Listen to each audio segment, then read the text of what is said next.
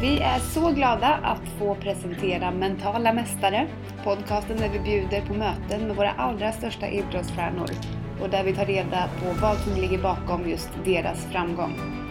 Vi fokuserar på den mentala styrkan och djupdyker i frågor om framgång, motgång, prestationsångest och mycket annat.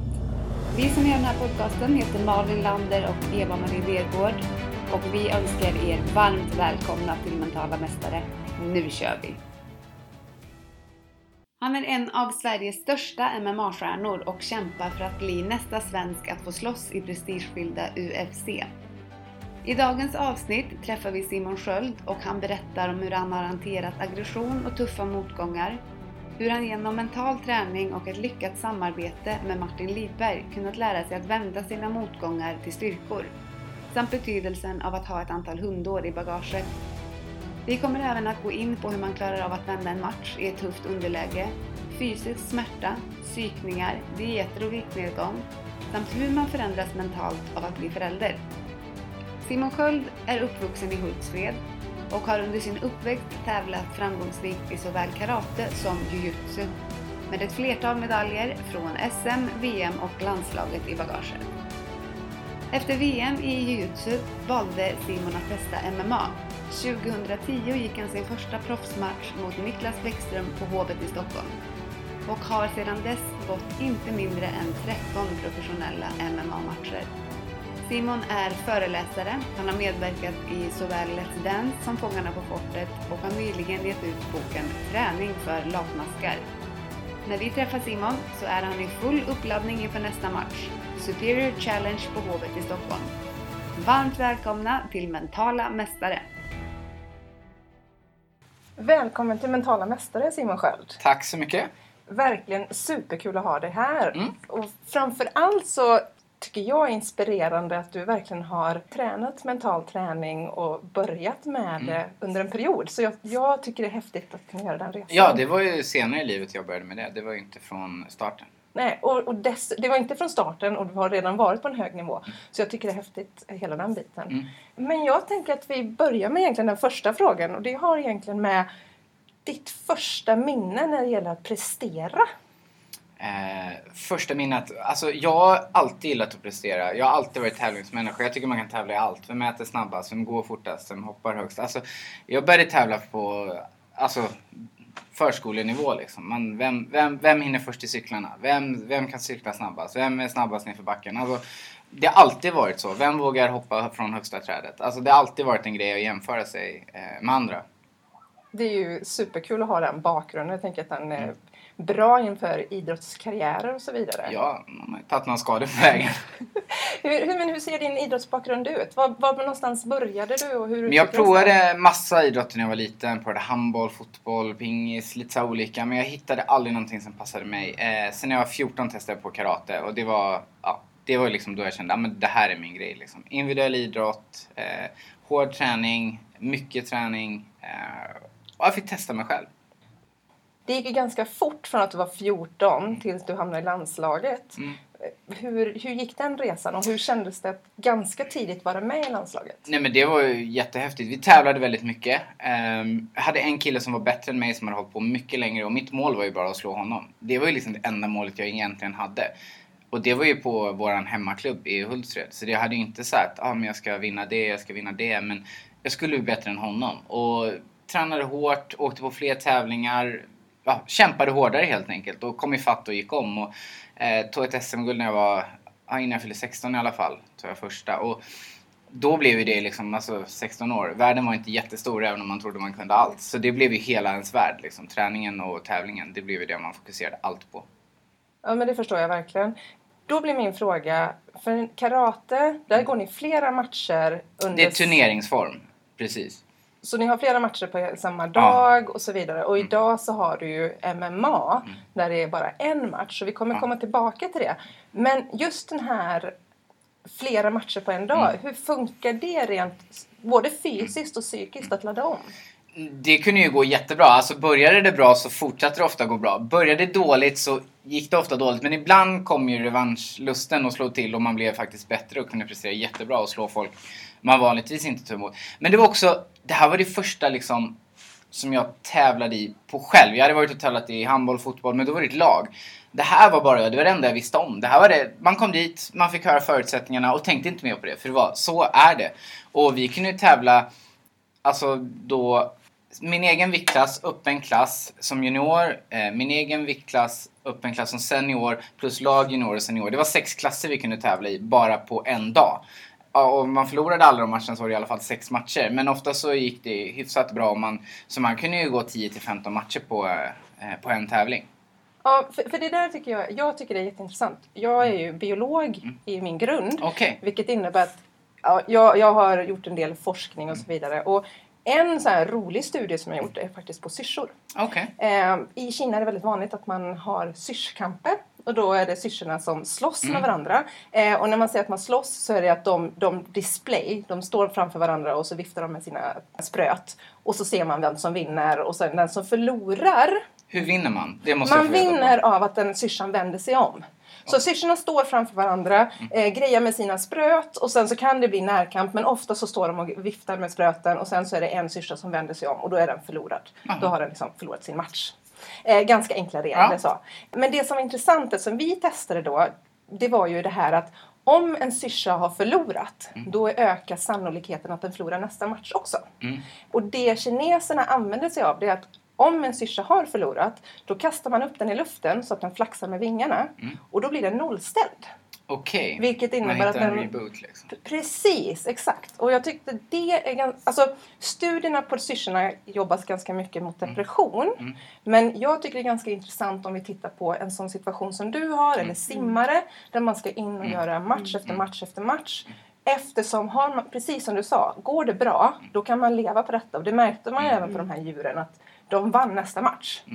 Så min fråga är, hur, hur rebootar man inom karaten? Alltså, hur tänkte du där? Ja, ett så var man ju ganska ung så man var ju, ofta var man ju mest förbannad. Eh, på, det, på sig själv, på domaren, på, alltså på någonting. Man hittade någonting att skylla på.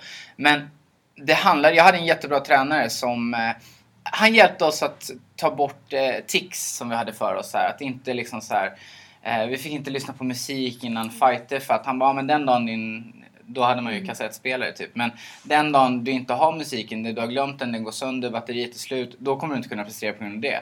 Så det var ju en sån sak. Vi fick liksom inte ha rutiner eller ritualer som vi inte kunde påverka själva. Han bara, visst vill du sätta på höger skydd först, gör det. För du kan ta av dem och sätta på, ta om dem igen. Men du kan, de, det måste du ha när du går in. Men allt annat försökte han ta bort. Eh, och det var en sån där grej som jag jag anammade. Så de låtarna som jag gillade, jag liksom lärde mig dem utan till och nynnade dem istället. För det är så här, det kan ingen ta ifrån mig. Det fanns alltid där liksom. Det kan inte, batteriet kan inte ta slut och så vidare. Så att jag hittade många, vad ska man säga, ritualer som var helt beroende på bara mig. Som jag gjorde inför varje match. Så att varje match skulle bli, eh, ja, som den första. Sen självklart så tyckte jag att det var ju skönare att komma med en vinst i ryggen än en förlust. Hade du olika sätt att eh, ladda om om du hade vunnit eller om du hade förlorat? Nej, det- nej, sättet var ju ofta, ofta vad man säga, ganska likt. Det var väl grundinställningen eller grund, den mentala Känslan. känslan, känslan liksom, som var olika. Eh, och ibland kunde man ju gå från, Framförallt när man tävlade mot seniorer och man var junior, och man, även om man förlorade men man hade tagit några poäng och hittat grejer som var bra, då fokuserade jag alltid på det. Om du tog två poäng mot honom, han borde inte ha släppt in det på dig. Typ. Eh, så att man försökte boosta det man gjorde bra. Jag fokuserade alltid på det som jag gjorde bra i matcherna och försökte glömma det som var dåligt. Sen behövde man ibland titta på vad gjorde man för fel för att inte göra om samma fel match i rad. Men på tävlingen så fokuserade jag bara på vad funkar. Det där är ju ett riktigt bra tips alltså, som, Mm. man, som man försöker säga till folk och nästan man behöver programmera in att när du kommer ut från banan eller Mm. från matchen att titta på det så gör bra Mm. istället för bara se på allt det dåliga. Ja, och det är så här, man kan inte lära sig som typ tar två, tre veckor innan match. Jag tränar inga nya tekniker. Jag tränar samma, alltså det jag kan. Jag kan inte lära mig något nytt. Det kan inte komma in i mitt som säga, system. Utan då är det det jag kan nu, det kommer jag kunna på match. Liksom. Troligtvis kommer jag tappa lite för jag är nervös och det är stress och det är, det är mycket att tänka på. Så att jag försöker hålla det ganska kompakt eh, och inte lägga in för mycket nytt. Sen får mina motståndare gärna utsätta mig för mycket nytt. För jag vet inte vad, vad som man ska säga, det jag ska möta brings to the table. Jag måste hela tiden vara beredd på det. Men jag har mina grejer som jag tror på. Och när du då tränar, Mm. Är, är detta ett sätt också du jobbar med i träningen? Det vill säga att efter träningen att du fokuserar på dina styrkor? Eller blir det att du fokuserar på dina svagheter? Eller hur går tanken efter träning för att få samma mindset efter tävling på, på träning? Eh, nu när man har tagit det här till en professionell nivå och tävlar mindre om man säger, vi går två, tre matcher om året. Så absolut tittar jag på det som har gått bra och det som har gått dåligt. Kampsport på så sätt är ju ganska definitivt. Det var såhär, okej okay, du klappade, du gjorde något fel. Det var inte liksom när du låg där utan någonstans på vägen dit gjorde du fel. Du skulle ha vänt det tidigare. Och så hela tiden försöka hitta de här luckorna och tajta till dem. Eh, sen kolla på, blir du, blir du trött? Vart blir du trött? Varför blir du trött? Är det för att du stressar? Är det för att du håller koll på tekniken? Det är så många grejer man hela tiden måste eh, utvärdera och det har jag blivit mycket, mycket bättre på och eh, jag tror sporten har blivit bättre på det. Fler jobbar på det sättet. Man tittar på det från ett vad ska man säga, helikopterperspektiv och inte bara så här: okej okay, men du åkte på fyra armbar, du behöver träna armbarförsvar det kanske inte är det alls du behöver träna på. Du kanske behöver träna på en passering för det är det som gör att du hamnar i det där anlåset. Så att man tittar vart, hur tidigt kan du stoppa ett misstag? Eh, och som sagt stående, ja om någon jabbar sönder ditt ansikte så har du troligtvis problem med gard eller förflyttningar och då får man titta på, okej okay, hur ska du jobba med rörelsemönster? Och sen ska du orka också. Det är otroligt konditionskrävande eh, och uthållighetskrävande även om våra matcher bara varar 15 minuter. Och det jag tänker där också att även om det är kondition så är det ju mental kondition också. Ja, För det måste ju vara 100% för Ja. att reagera i rätt sekund. Ja, och där ser man eh, folk är olika. Vissa, om de börjar bra så är de typ oslagbara. Men om de inte får det där första, vad ska man säga, första övertaget så har de väldigt svårt att vända. Eh, och det är olika och det tror jag alla jobbar med på olika sätt. Jag tycker självklart det är alltid lättare när man kommer in och det, det funkar från början. Men vi har ju rondpauser och då måste man kunna ställa om. Det är ju tre ronder. Så det, är, ju- ja, det blir ju 3-0 eller 2-1. Det är de, eller så blir det avslut. Och då, är det ju, då spelar det ingen roll vad det står i ronderna. Och det är det som jag tycker gör fighting så pass intressant. Att du kan ligga under med då, ja, 3-0 i ronder och det är sista ronden. Men du kan vinna. Att man kan alltid. Det är så här, ain't over to the, to the judge is called. Så att det är aldrig slut förrän det, gånggången går. Eh, Det finns ju sådana här som har vänt matcher när det är så 10 sekunder kvar. Och det är väl det som gör att fighting är så roligt.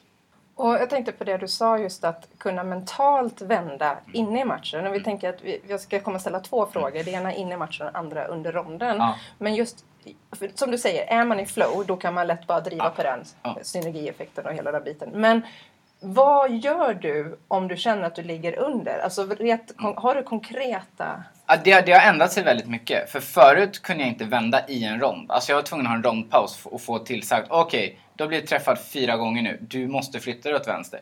Det kunde jag inte ta, även om de sa exakt samma sak under matchen. När jag var yngre, jag kunde inte ta till mig det. Jag kunde liksom inte koppla från deras instruktion till vad jag skulle göra.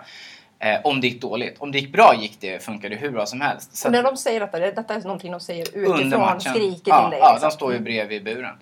Och där har det ju hänt att man har liksom, ja men jag har jobbat mycket mentalt med att okej men om, om de säger så här eh, gör det här, då finns det en anledning. Jag, de ser något som inte jag ser. Likadant så måste de lära sig lita på att om jag inte gör det är det för att jag ser någonting inte de ser. Vi måste ha ett, vad ska man säga, osynligt samspel. Eh, och det tycker jag att nu har vi tävlat ihop så mycket att vi har. Så att ibland så kanske de ropar att jag ska sparka höger men jag ser någonting som bara nej, jag kan inte dra den för han väntar på det. Alltså det är två olika perspektiv. Jag ser honom rakt framför mig. De ser honom gen oss genom ett galler från sidan. Så att man ser inte exakt samma sak. Och de ser, de kan ju bara uppfatta min känsla. De kan ju inte helt eh, vara inne i den. Så där måste man ha ett liksom, förtroende-game samtidigt som att ibland måste de kanske bara Simon för fan! Gör som vi säger. Alltså, man måste, och där tycker jag vi, jag och mina coacher har hittat ett jättebra eh, samspel egentligen.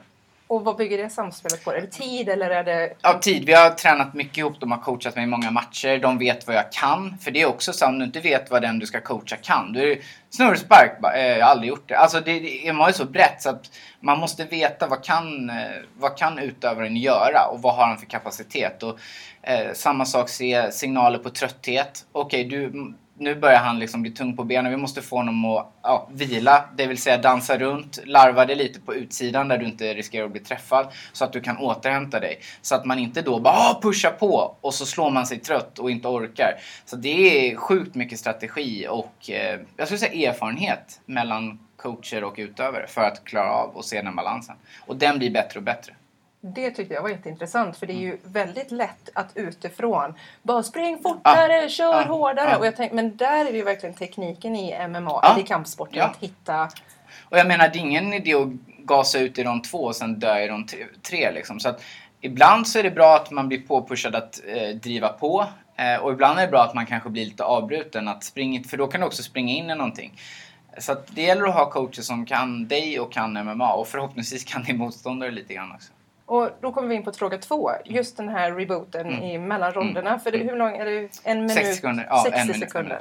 Vad, hur ser det konkret ut? Och då tänker jag just att, liksom att man ligger lite efter eller... Ja, nej men alltså alltid. Vi, vi kör samma oavsett. Ligger efter, ligger före. Sätter ner. Um, andas typ 10 sekunder. Att man liksom, ingen säger något utan bara några djupa andetag, få lite kontroll på pulsen och sen en, två korta snabba. Går det bra om man vinner ronderna, då är det liksom okej, okay, du vinner, du sätter dina slag. Han kommer gör, troligtvis göra det här nu för att han är frustrerad.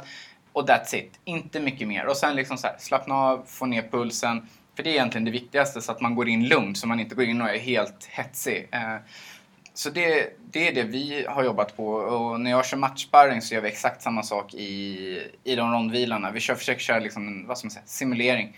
Eh, sätter ner på en pall. De coacherna som kommer coacha på matchen säger exakt samma sak som de ska göra på matchen. Lite det här igenkänning. Det här är ju verkligen en, en, en tillämpad visualisering. Ja. Verkligen. Ja. tycker jag är ett superbra tips till alla. Att mm. verkligen tänka träning, tävling, tävling, träning. Ja, men jag tror så här, alltså, du kommer att tävla som du tränar. Så att om du ska köra matchsparring och så är det någon som börjar skämta mitt i en rondpaus där. Alltså det, det, det måste, du måste liksom sätta dig i den. Det är jobbigt mentalt. Du måste sätta dig i den situationen. Eh, och på träning, vi, när vi matchsparras, alla gör säkert olika, men jag har kanske fem sex pers som ska hjälpa mig att matchsparras. Deras uppgift är att pressa mig så mycket de bara kan utan att skada mig. Och de vet att jag kan träffa dem riktigt hårt. Men de får inte bli galna tillbaka. Det är bara en som får vara galen och det är jag. Men nästa gång så är det deras tur. Så att man står ju på säga, mottagarsidan lite då och då. Men då är det så, jag får gå på hårdare än vad de får. Men de, det kommer ny varann äh, efter två och en halv minut. Så att de är ju pigga. De ska pressa mig i två och en halv minut, sen kan de vila. Jag ska vara kvar där i 15. Så att de vet och så har de olika uppgifter ut, utifrån ja, om de är brottare eller om de, hur de fightas. Så man sätter sig själv i många jobbiga scenarion. Och hur ofta gör ni de här, de här specifika För, Förr gjorde jag det mycket, mycket mer. Nu gör jag det två gånger inför match. Eh, som är så specifika där vi gör liksom, där vi tar ut, ja, pausar upp egentligen träningen och tar några som bara fokuserar på mig.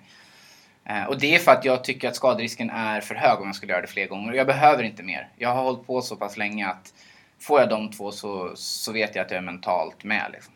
Men du är ju väldigt tävlingsmänniska. Mm. Eh, skulle du säga att det är glädjen för att träna eller för att tävla som är den största drivkraften? Nej men det, det är nog en blandning. För att om jag bara skulle ha glädje för att träna då kanske jag inte skulle träna och det är mycket jag hatar med att tävla. Alltså jag hatar att gå ner i vikt. Nu har jag fyra kilo och jag måste gå ner inför nästa match och man liksom går på strikt diet. Jag står och käkar nötter och dricker en proteindrink när jag kom in. Det är någonting jag det hatar. Och en del säger men gå upp en viktklass. Fast, jag fast det här är elitnivå. Man kan liksom inte käka McDonalds godis och, och tro att man ska tävla på elitnivå. Det funkar inte. Kroppen pallar inte det.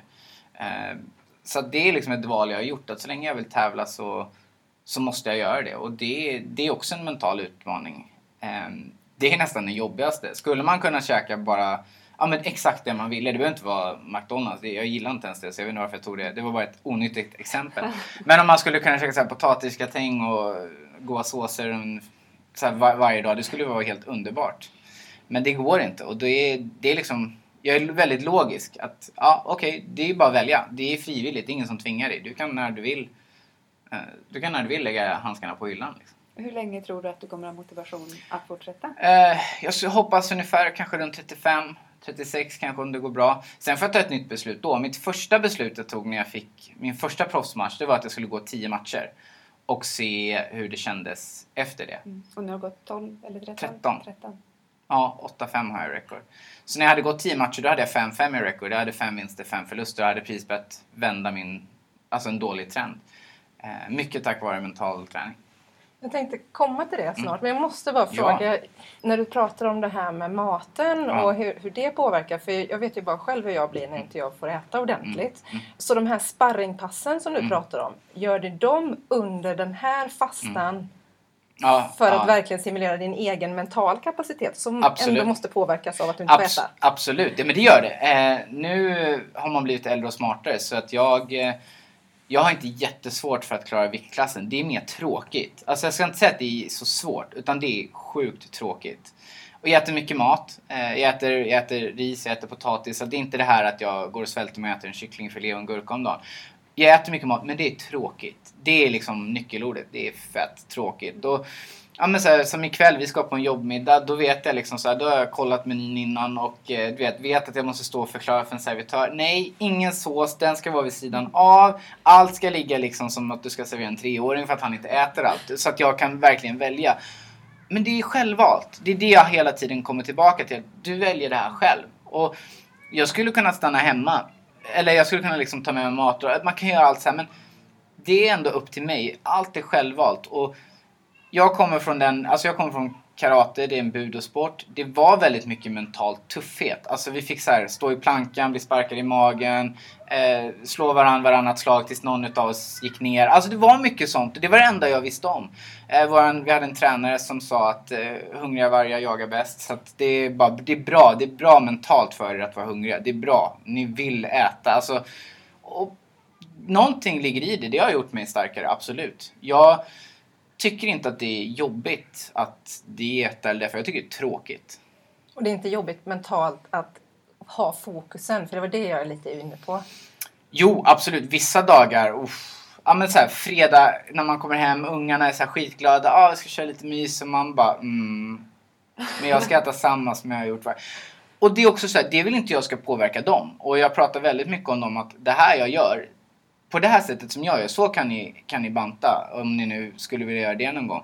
Det är liksom, jag gör det för att göra en jojo-bantning ner till en viktklass och upp igen. Så som jag väger nu ungefär, nu väger jag kanske 72. Det är en normal vikt liksom. Jag brukar ligga lite högre, men det är ju vätska. Eh, men när jag går under det, det är liksom, det kan inte jag hålla. Det håller jag bara så länge jag äter exakt varje dag. Men så fort jag slutar göra det så, så kommer jag gå upp igen.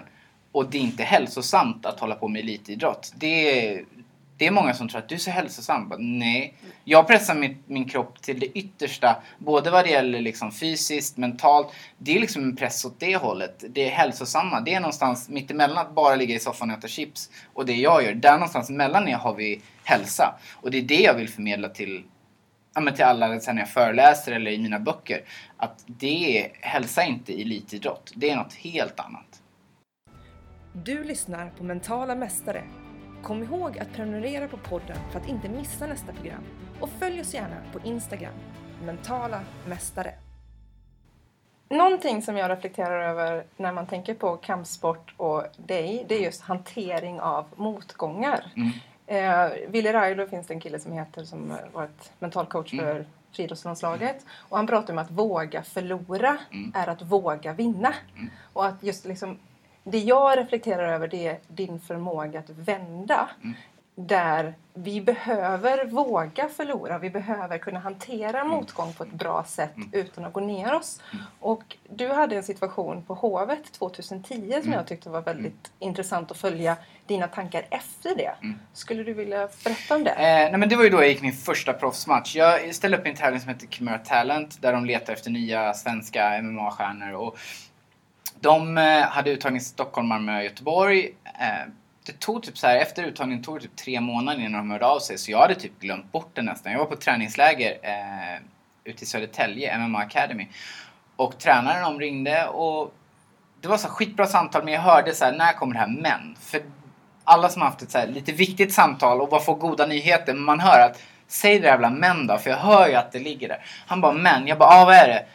Ja, den här kommer gå i minus 80 och jag hade använt mig i minus 70. Det är 10 kilos skillnad. Men så, tur eller otur, jag vet inte, jag var ung och dum. Jag sa ja, självklart, det är inga problem. Eh, tog mig till semifinal, förlorade mot en kille som heter Andreas Ståhl. Eh, då vägde jag typ 72 med så här, kläder på. Han bantade till 80 så han var ju, åt ju typ upp mig. Men jag gick tiden ut, han kunde inte avsluta mig. Så jag var liksom hyfsat nöjd ändå. Men då fick jag en proffsmatch i min riktiga viktklass som man säger. Och eh, ja, men tränade stenhårt. Alltså jag, tror jag, tränade, eller jag tränade hårdare än vad jag gjorde nu rent fysiskt. Men det var ju också för att jag inte kunde så mycket och hade så mycket erfarenhet som jag har nu. Jag var ju tvungen att lära mig så mycket mer. Nu har jag en mycket bredare grund att stå på. Men jag skulle möta en kille som heter Niklas Bäckström. Och eh, ja, det var krig i tre ronder. I tredje då så eh, fick han ner mig på marken och jag kunde inte ta mig därifrån. Och det som var skönt för mig var ju att jag, han, han, kunde inte slå ut mig utan det var att jag fastnade. Och svenska MMA-regler är så att om du inte kan ta dig ifrån en sån dålig position eh, då kommer domaren bryta även om han inte liksom att du håller på att svimma eller någonting. För det är säkerhet. Och, så domaren gjorde ett helt korrekt byte. Han sa till och med till mig, han var engelsk, han sa you have to, you have to improve your position or I will stop the fight. Och jag sa verkligen no I'm fine, I'm fine, I'm fine. Han bara it doesn't matter, you have to improve your position. Och sen, ja, tog det 10 sekunder till så bröt han matchen. Så jag var sjukt besviken och var lite så här, fan bröt han? Jag sa att jag var fine. Och sen så börjar man tänka, ja fast reglerna är ju sådana. Det var ett helt korrekt domslut så jag kunde inte vara arg på det. Det var liksom, jag hade fått göra allt. Men det var ju, alltså förlora första matchen, det var ju så här. Man har ju byggt upp den där i sitt huvud och man har sett, jag hade jättemycket folk på min klubb där, kompisar, vänner, min mormor och morfar hade kommit hit och tittade. Eh, jag var helt sönderslagen i ansiktet. Så det var också så här, ska jag gå upp till mormor och morfar och liksom visa mig? Men ja, det var bara liksom, jag satt i omklädningsrummet och grät, jag vet inte. Halvtimme, timme. Var liksom mina tränare såg bara, men han behöver få vara själv. Så att, ja, duschade, så här, torkade bort allt blod i ansiktet och sen gick jag liksom bara, nu ska jag träffa mormor och morfar. Men de var liksom så här, ja men du, var ju, du, du kämpade ju jättebra. De kunde inte sporten, men de såg liksom att han behöver bara ha kärlek. Och jag fick kärlek från min klubb, från ja, från mina tränare. Liksom. Det var inte så att folk inte gillade mig. De bara shit vilken match. Alltså, folk kom knappt ihåg vem som vann bara för att det var ett sånt krig. Och Niklas Bäckström har haft en jättebra karriär efter att han i UFC tävlat jättemycket. Så det var en duktig fighter. Så det var inget, inget konstigt med det. Och jag kände redan så efter några dagar att fan, jag, vill, jag vill upp igen. Jag kan det, jag kan mer. Eh, och fixade en, en ny match själv. Jag ringde runt till eh, lite galor och bara jag vill gå match liksom. Hur tror du att det varit om du hade vunnit den första? Hade du haft samma driv direkt att få en ny match? Om du hade vunnit? Ja, det hade man nog. För man var så ung. Man bara, då hade man nog... Jag hade en sekvens i första ronden då jag liksom träffar honom, får ner honom på marken och hamnar ja, i samma överläge som jag senare förlorade i. Men han tog sig loss. Och när jag tittar på matchen så är jag såhär, fan vilken tur det var egentligen att jag inte vann där. För då hade det kanske vi snackat att jag hade på så 30 sekunder. Jag hade ju fått hybris och trott att jag var liksom hur bra som helst.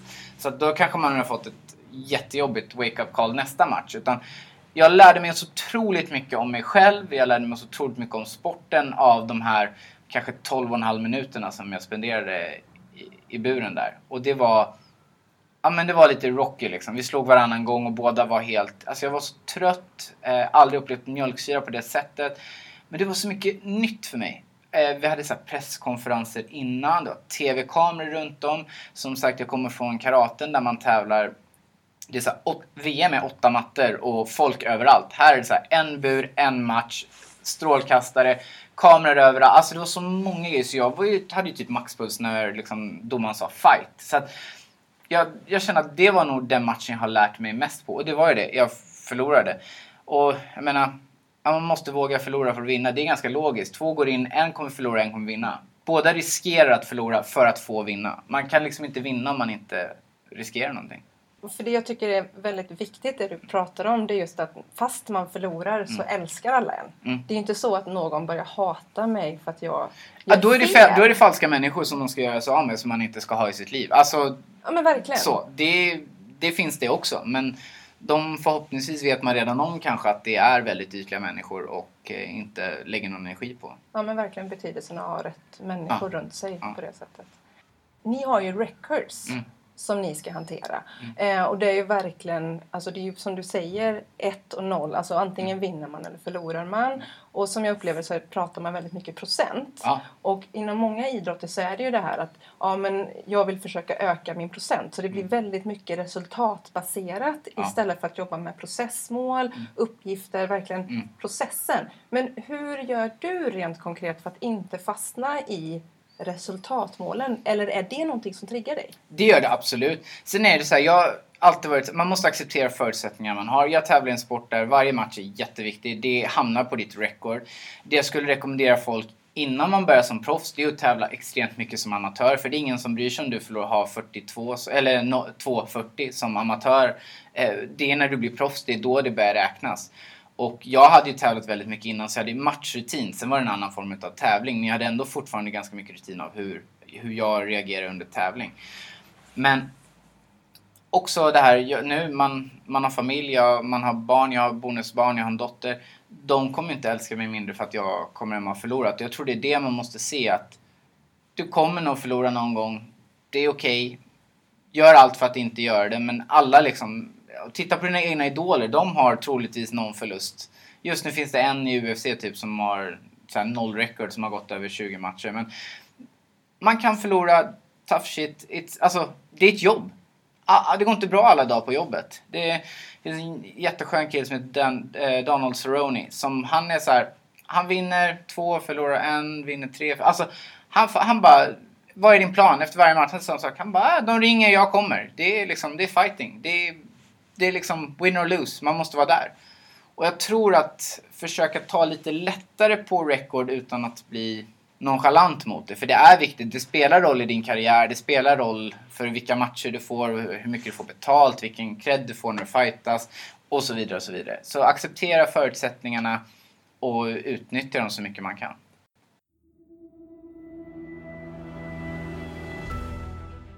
Vi är stolta över att spela in det här avsnittet av Mentala Mästare i samarbete med fantastiska Clarion Collection Hotel Tapto på Östermalm i Stockholm. Om man bokar ett rum på Clarion Tapto så ingår en ekologisk och Fairtrade-märkt frukost, afternoon sweets och en härlig hemlagad middagsbuffé varje dag. Självklart kan man även njuta av såväl frukost som middagsbuffé även om man inte bor på hotellet. Dessutom så kan vi nu erbjuda våra lyssnare 20% rabatt på hotellrummet under perioden 20 juli till 20 augusti. Och allt du behöver göra för att få här, den här rabatten är att ange mentala mästare när man ringer och bokar. Så tusen tack säger vi till Clarion Collection Hotel Tapto. Du blev pappa 2016. Ja, Ja. shit jag var tvungen att tänka efter. Men det, det är 2018 nu. Ja. Eh, har det förändrat någonting mentalt? Hur har Mycket. inställningen till sporten efter att du blev pappa? Eller har du samma liksom, press eller kan du ta det mer lättsamt nu? Nej, men jag tar det inte mer lättsamt. Däremot så känner jag att jag har, jag har ansvar mot någon mer än mig själv. Att, eh, ja, men, som inför mina matcher, fem, sex veckor så är det camp. Då kanske jag är borta tre kvällar i veckan. Alltså jag har ett ansvar att jag inte åker bort och lajar och bara ja, leker igenom träningen. Utan att när jag åker bort från då familjen och eh, även mina bonusbarn, min fru, att nu måste du ge allt. Eh, jag, jag tränar ju alltid eh, en gång på dagen. Det märker ju inte de för det är, ja, då är de på förskolan eller skolan eller frugan jobbar. Så att då märker de inte det. Men det är de här extra att ibland måste jag vara borta mer och då känner jag ett ansvar att att det ska vara värt att Ja, att det ska vara värt att vara Ja. borta. När jag var, själv, när, jag var, alltså, när jag var själv, det var så här, ja det är ingen som bryr sig om jag kommer hem vid 8, 9 eller 10. Det är, jag är ensam ändå. Så att, då spelar det liksom ingen roll. Och ibland kan jag känna så att nej, ikväll, jag, jag kommer inte få ut någonting av att träna. Jag kommer få ut mer av att vara hemma med min familj. Så då kan jag ta det valet att vara hemma. Eh, Sen måste man ju känna sig själv att det inte är för att man är lat utan att det är för att, ja men, ja men som idag, jag hade egentligen skulle jag träna två pass men jag var så sliten så det blev promenad, rörelsepass och sen ett brottningspass. Men jag vet att det kommer hjälpa mig imorgon. Och det är både fördelen och nackdelen med en individuell idrott som vi har. Spelar du, jag har kompisar som har spelat hög division fotboll, eh, hockey. Du måste ju vara där typ även om du är halvt död och så ah, ah, du då får du sitta på en cykel, du ska cykla tre mil.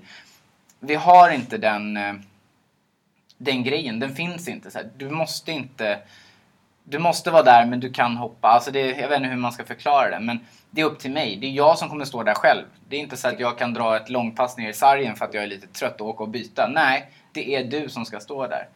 Så man måste liksom... Ja. Tycker du att det är lätt att göra den avvägningen? Vad som är lathet eller vad som är? Mycket lättare nu. Alltså förr jag tränade för mycket. Alltså jag tränade för hårt och tränade för mycket så att jag liksom... Eh, peppa peppa ta ett skadade mig aldrig utan men jag eh, drog på mig alltså förkylningar, eh, feber, den typen utav skador eller liksom... Eh, det stoppade mig istället. Så jag hade två år sedan så var det ju... Ja men tränade som en galning, var i jättebra form. Blev lite småförkyld, tyckte jag gjorde rätt, vilade, gick på för tidigt, fick bioinflammation och kunde inte fightas. Så att ibland är det rätt att vila. Jag menar vila sig i form finns av en anledning men det kräver ju att du tränar. Ja, Det som jag finner intressant är just att ju fler man träffar som kommer på högre och högre nivå så pratar man om att jag borde ha vilat mer förr och idag vilar jag bättre. Ja. Mm, Att våga Ja. vila. Men jag tror det finns något, jag tror att det finns en mental fördel med att ha gjort, kallar det hundår eller vad man vill kalla det, att man har gjort de här hårda för man vet vad man mentalt klarar. Att skulle jag behöva träna två pass till den här veckan så klarar jag av det. Så det finns andra fördelar. Det finns vissa saker jag tror man inte kan träna sig till smart. Man måste nästan träna sig till det med pannben. Och vissa har det naturligt. Vissa behöver inte träna. Vissa behöver bli stoppade. Eh, men det handlar om att fokusera på det som, liksom det som går bra. Jag har haft snack med folk på min klubb som är yngre som man bara, ja men de liksom sån här alltså stegutveckling rakt upp och så pratar man med dem och de bara, ah, fan missade ett pass förra veckan. De bara, jaha vad hände då? Bara, ah, nej det var mm, vad som helst, utvecklingssamtal, jag, mamma fyllde år och tvungen gå på middag. Mamma, hur mycket tränar du? Bara 11 pass. Och det blev så här, och du fokuserar på att du missar ett. Fokusera på att du gjorde 11 pass istället. Hur många kan göra det? Jag tränar 9 till 10 pass max i veckan. Eh, och då har jag liksom dratt ner. Och det var när jag började med mental träning. Det var Martin Lidberg som, eh, som hjälpte mig med det. Du får jättegärna utveckla det. För Martin Lidberg har ju, vunnit VM i brottning Yes. och är idag mental coach. Ja, Vad, vad var det för nycklar som ni använde och vad var det för spärrar ni släppte Mm. på? så här var det. Jag hade ett record på 2-5. Det vill säga att jag hade två vinster, fem förluster. Två utav dem jätteklantiga. Som ja, egentligen blev brottningsmatch fast eh, det var MMA så att det hamnade på mitt record. Så att jag... Ja men så här, jag tränade hårt, jag var bra på att liksom, gå ner i vikt, klarade all, gjorde allt rätt. Men min tränare satte sig ner med mig och sa vi måste göra någonting annorlunda liksom. Och jag har först direkt det att man säger ah, ska jag springa mer, ska jag lyfta tyngre, ska jag sparras mer, vad, vad ska jag... Och bara, men det där gör vi liksom, det där har vi gjort, vi har gjort allt, du gör allt bra, du följer liksom allting sånt. Men det enda vi inte har provat det är mental träning. Och så frågade han mig helt ärligt om jag var öppen för det. För han sa om du inte vill så kommer det ändå inte gå. Eh, men jag var så här, ja, han har ju rätt. Vi har gjort allt. Vi har liksom ändrat de här vad ska man säga, fysiska förutsättningarna. Men vi har inte provat mentalt. Så självklart. Och då var jag 24, 25 tror jag. Eh, 26, 25 tror jag. Vi spelade in Slån på käften, en eh, dokumentär på SVT under samma gång. Och då var det Martin som han tog in. Och jag kände att jag kände ett stort förtroende för Martin bara med liksom de meriterna han hade. Och sen sin egen resa. Han har ju gjort otroligt, han gick ju till och med upp en viktklass och vann VM. Det är ju typ enda brottaren som har gjort det. Så han började liksom, vi började träna ihop. Eh, efteråt satt vi och fikade och eh, jag var liksom så här. okej ge mig nyckeln. Liksom jag, ja men så här, snabbt resultat, ge mig nyckeln. Vad är det jag ska göra? Vad ska jag tänka på på tävlingsdagen så att, så att det blir lätt liksom. Men han, han sa, han bara, jag vill att du ska tänka, visualisera, när du går och lägger dig, visualisera att du fightas Eh, en match. Och det enda du behöver göra, den enda regeln, det är att du måste vinna. Och jag var så här, mm, så ska vi ses efter två veckor. Och jag tyckte så här att, oh, shit det här är ingenting liksom. Det, men det, jag hade ju sån puls av att bara lägga mig ner, se mig själv fightas liksom. Så att jag tror första fem, sex dagarna så det var ju så här ett slag, sen var det klart. Jag bara, yes! Huh! Så man andades ut. Men sen så blev man bättre och bättre. Efter två veckor så var han så här, men nu nästa gång skulle jag fightas i, i Malmö och då visste han inte hur det skulle se ut. Så han bara, men tänk dig en arena, tänk dig ett omklädningsrum, tänk dig att du går till buren. Alltså allting innan. Och ju mer jag höll på desto mer kunde jag liksom eh, tänka mig in i, eh, komma dit, linda händerna, byta om, värma upp. Eh, den här vänteperioden som är den värsta tycker jag, när man går och väntar på att du är nästa match. Den tycker jag är värst. Det är den absolut jobbigaste. Eh, och sen då gå in till buren, eh, presentation av domarna och sen fight.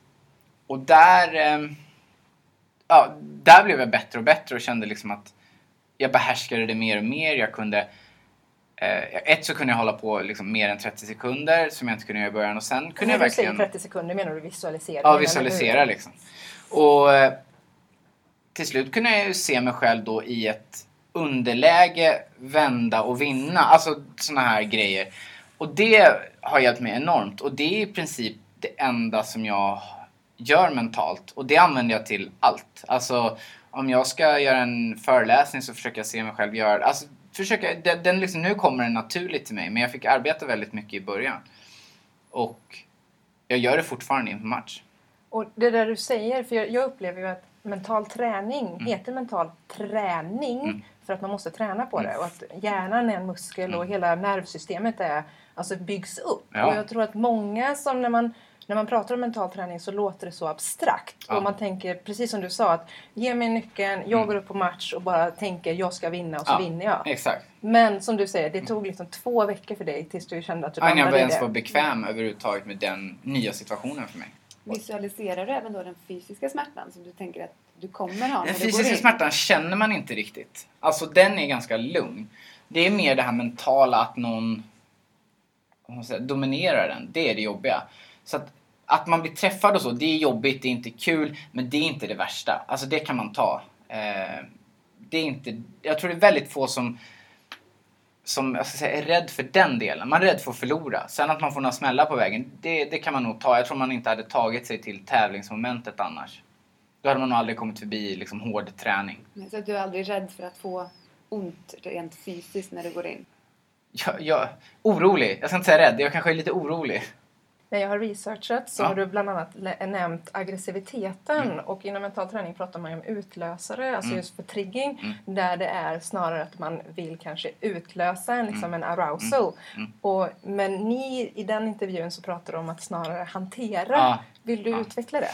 Ja, för mig handlar det om att hantera för att om jag blir, skulle bli för aggressiv eller för, då tappar jag kontrollen på, på mig. Och det kan nog gå jättebra någon gång och nästa gång så har jag slagit mig själv så trött så att efter 30 sekunder så, så är det liksom spel mot ett mål. För mig handlar det om att, att utnyttja det men inte låta den ta över. Och jag det låter nog väldigt abstrakt. Men när jag var liten så hade jag väldigt svårt att kontrollera min ilska. Jag blev jättearg, liksom fick raseriutbrott. Och det var ju väldigt jobbigt för det kom ju ofta med väldigt stora konsekvenser. Man fick skälla ut och liksom varför överreagerade du och varför gjorde du så här? Men nu, nu har jag lärt mig att hantera den och få den som en hjälp och se det som något positivt. Att jag kan bli arg. Och sen är det så här, skulle jag ligga under i rond 3 och vi vet att du förlorar på domslut. Ja, då är det dags att ta fram den där och då får man göra ja, då får man gå in och försöka använda det där. För att jag förlorar hellre på, liksom, hellre go out swinging än att förlora på att man var feg och försökte ja, vänta ut ett domslut. Men då går jag hellre på. Eh, och då är det bara att ta fram den. Så att jag tror att ibland så, så är det bra att bara släppa loss. Men det är ju liksom, det är plan C. Man har ju A och B först. Men jag, det, för jag reflekterar över att jag tycker det är häftigt att kunna vända det till någonting positivt att, mm. och verkligen sätta det som är i min värld mm. på en signal. Mm. Så jag kan hantera Använder mina känslor. Som en styrka snarare. Precis. Mm. Så det tycker jag är skitsnyggt gjort. Ja, tack så mycket.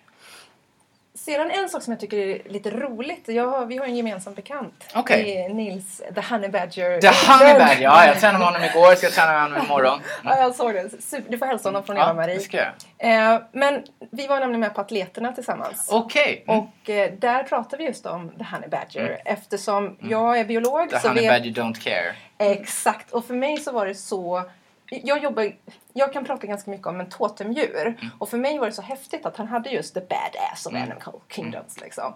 Eh, och du har ju haft anakonda vilket mm. jag tyckte var så ja men det är självklart liksom, man kramar mm. motståndaren och verkligen liksom snabb och hela det. The gentleman. Mm.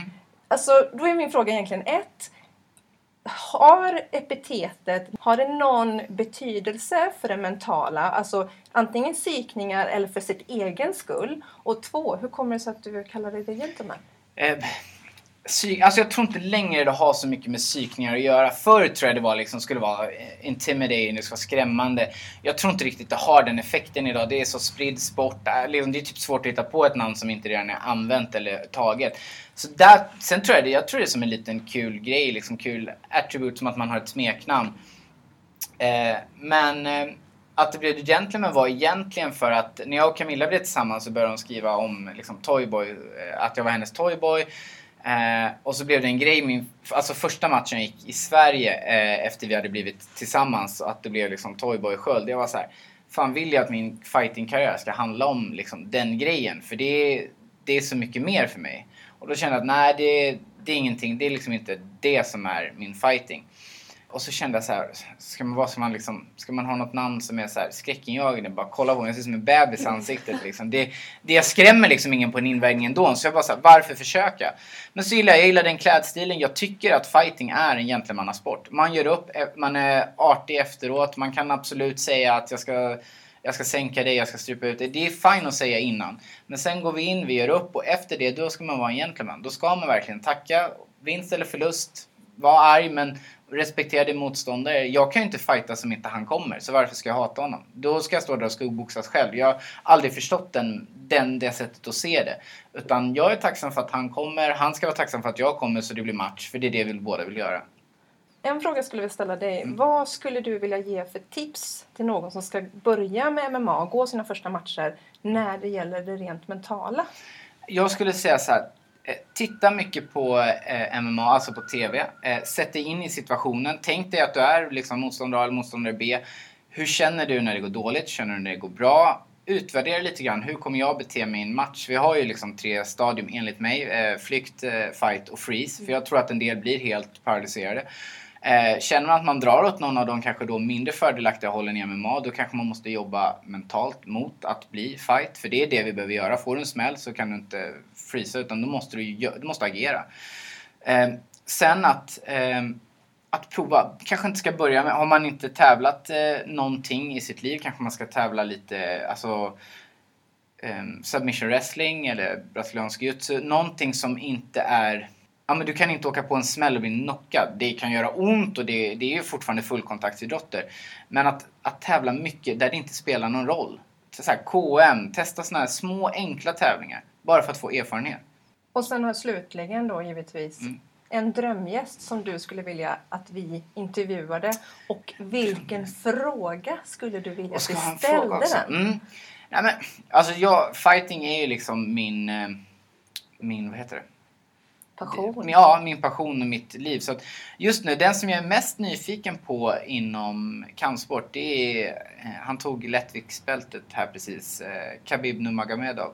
Eh, kom från Dagestan, 26-0 i Record, 10-0 i UFC. Så att han har verkligen testats hårt. Eh, tävlar i lättvikt. De som brottas med honom säger att det känns som en tungviktare när han brottas. Alltså, och, ja, men han är ett djur. Han... Ja, mentalt helt orädd för allting. Eh, möter vem som helst. Jag skulle vilja se liksom hur... Vet han ens vad mental träning är? Jag tror att han är en sån, han har det här. Han, han har aldrig tänkt mental träning. Han har aldrig liksom, det har aldrig funnits ett val för honom att åh, hur ska det gå när jag tävlar? Utan jag ska dit, jag ska vinna. Det skulle vara intressant att se hur en sån människa med ett sånt psyke, och det finns nog inom alla idrotter, men hur en sån person resonerar. Underbart. Och det vi måste avsluta med såklart är att du ska ju köra nu snart. Ja, 19 maj. Så att vi på Cirkus. måste ju verkligen önska dig all lycka till. Stort lycka Stort tack. Tusen tack för att du ville vara tack med. Tack så jättemycket. Oavsett idrott är motgång och motstånd något som alla, även världens främsta, kommer att möta på sin väg. Och här gäller det för dig att hitta dina verktyg för att hantera motstånd på bästa sätt för att kunna fortsätta prestera. Nu vet vi efter att ha spelat in tillsammans med Simon att han mötte en förlust den 19 maj på Superior Challenge. På sin Insta skriver han Jag gav allt. Det räckte inte idag. Några tårar fick rinna ner för kinderna innan jag kunde starta bilen och åka hemåt. MMA är en tuff sport och trots att jag har tränat hårt och var väl förberedd blev det en förlust idag. Ångesten är stor. Men jag vet att jag har en familj och en underbar fru som tar emot mig med öppen famn och älskar mig lika mycket oavsett vinst eller förlust. Jag vill att du kommer ihåg det Simon sa under intervjun. Du måste våga förlora för att våga vinna. Frågan är, hur väljer du att hantera motgång? Du har lyssnat på Mentala Mästare. Kom ihåg att prenumerera på podden för att inte missa nästa program och diskutera gärna frågorna som vi har pratat om på vår Instagram, mentala mästare. Vi hörs igen om en vecka. Så länge, Ha det bäst.